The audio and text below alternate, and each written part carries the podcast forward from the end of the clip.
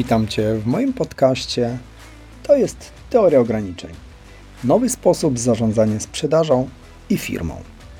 Bardzo się cieszę, że jesteś tu ze mną, że słuchasz podcastu, a dzisiejszy podcast będzie poświęcony temu, jak dobrze, skutecznie zaprojektować proces sprzedaży w Twojej firmie.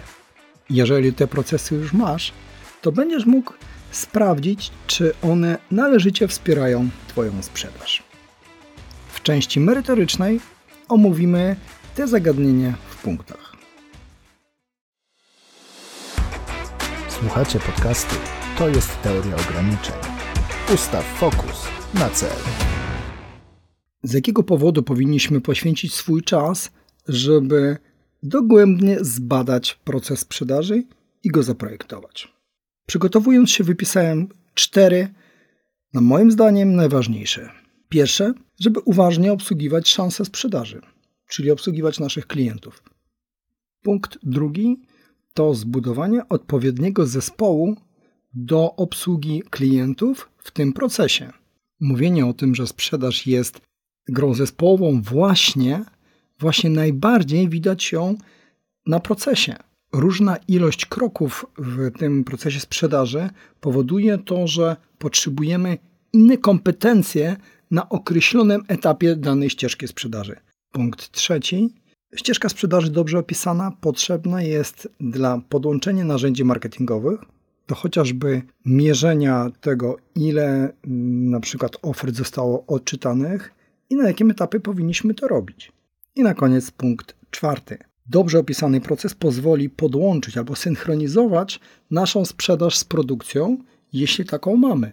Jeśli nie mamy produkcji, to ten sam proces będzie mógł synchronizować się z innymi narzędziami, które są wpięte w moment przejścia naszego zlecenia przez firmę. Jeżeli przekonałem e, Ciebie, dlaczego powinniśmy już robić ten proces, to przejdźmy do tak zwanego mapowania. Nazywamy to też metromap albo spisanie procesu sprzedaży.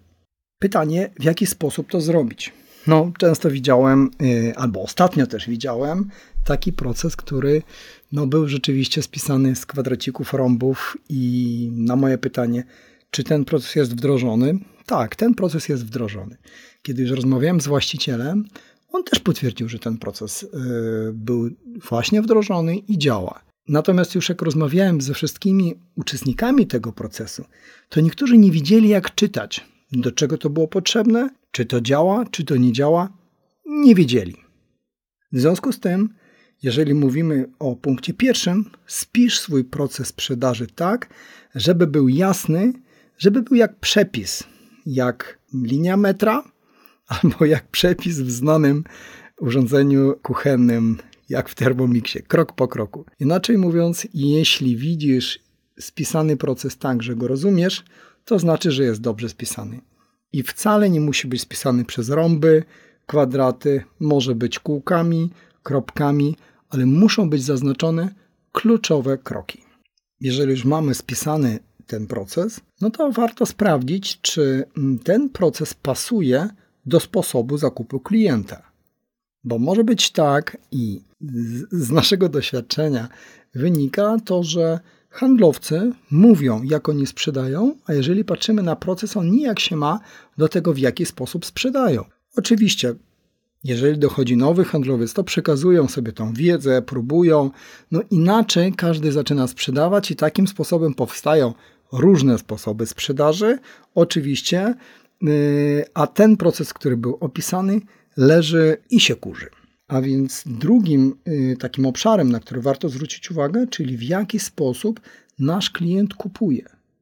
I teraz możemy rozróżnić takie dwa podstawowe, czyli sprzedaż transakcyjna, szybka, albo sprzedaż doradcza, gdzie klient oczekuje na wyjaśnienie, na pokazanie mu różnych obszarów wartości i też przekonania się do tego, że nasz produkt, nasza usługa jest dobra i rozwiązuje jego wyzwanie lub problem.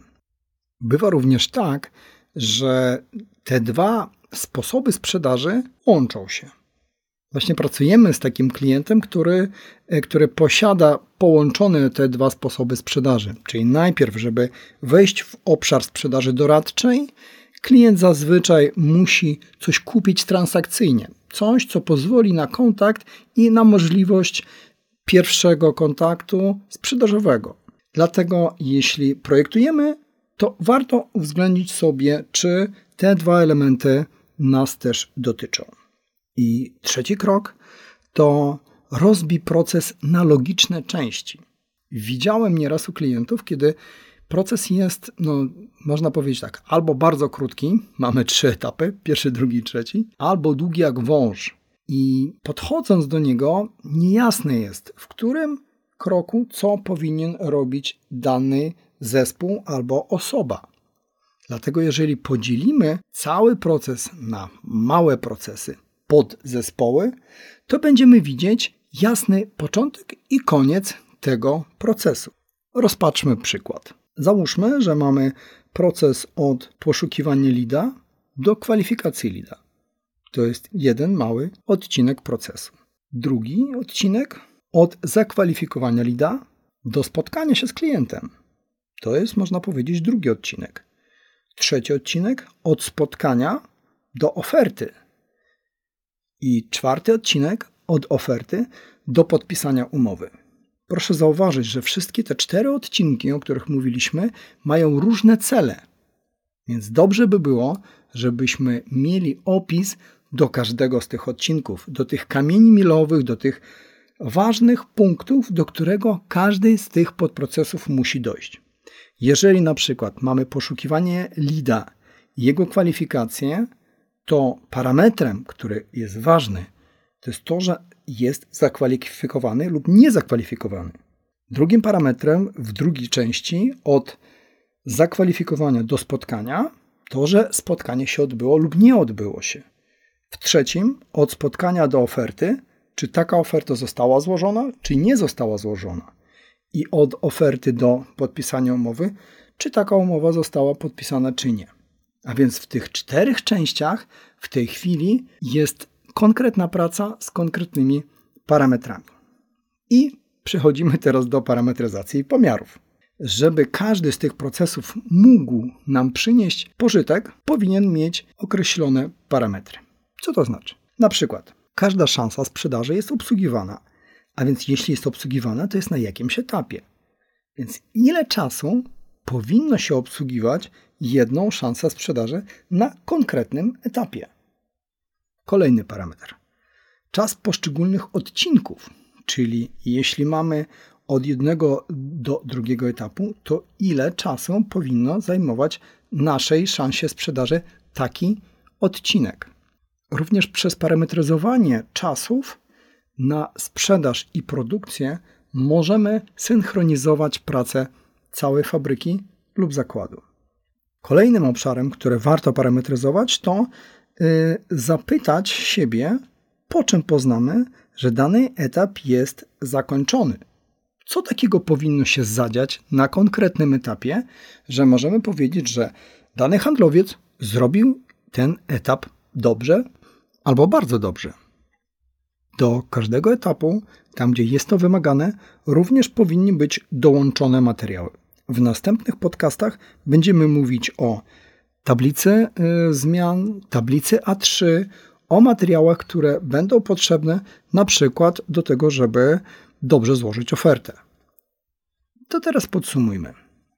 Po co robimy proces sprzedaży? Cztery punkty. Żeby obsługiwać szanse sprzedaży, żeby zbudować odpowiedni zespół, żeby y, proces był podłączony dobrze do narzędzi marketingowych i do przygotowania tego, w jaki sposób możemy podłączyć się do produkcji. Jak zabrać się za spisanie tego procesu?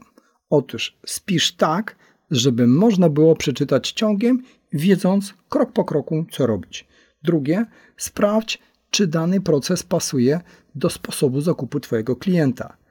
I trzecie, rozdziel proces na takie części logiczne, które będą miały początek i koniec, czyli oznacza, że będą miały specjalne punkty, które będą najważniejsze w tym samym procesie.